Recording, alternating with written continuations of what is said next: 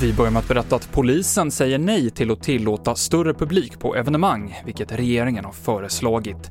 Folkhälsomyndigheten sa igår att man tycker att 500 personer kan bli det nya taket.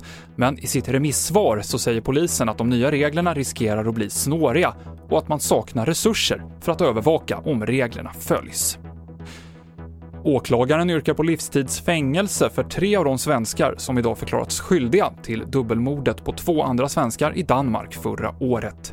För de två yngre åtalade, som bara var 17 år vid skjutningen, yrkas på 20 års fängelse.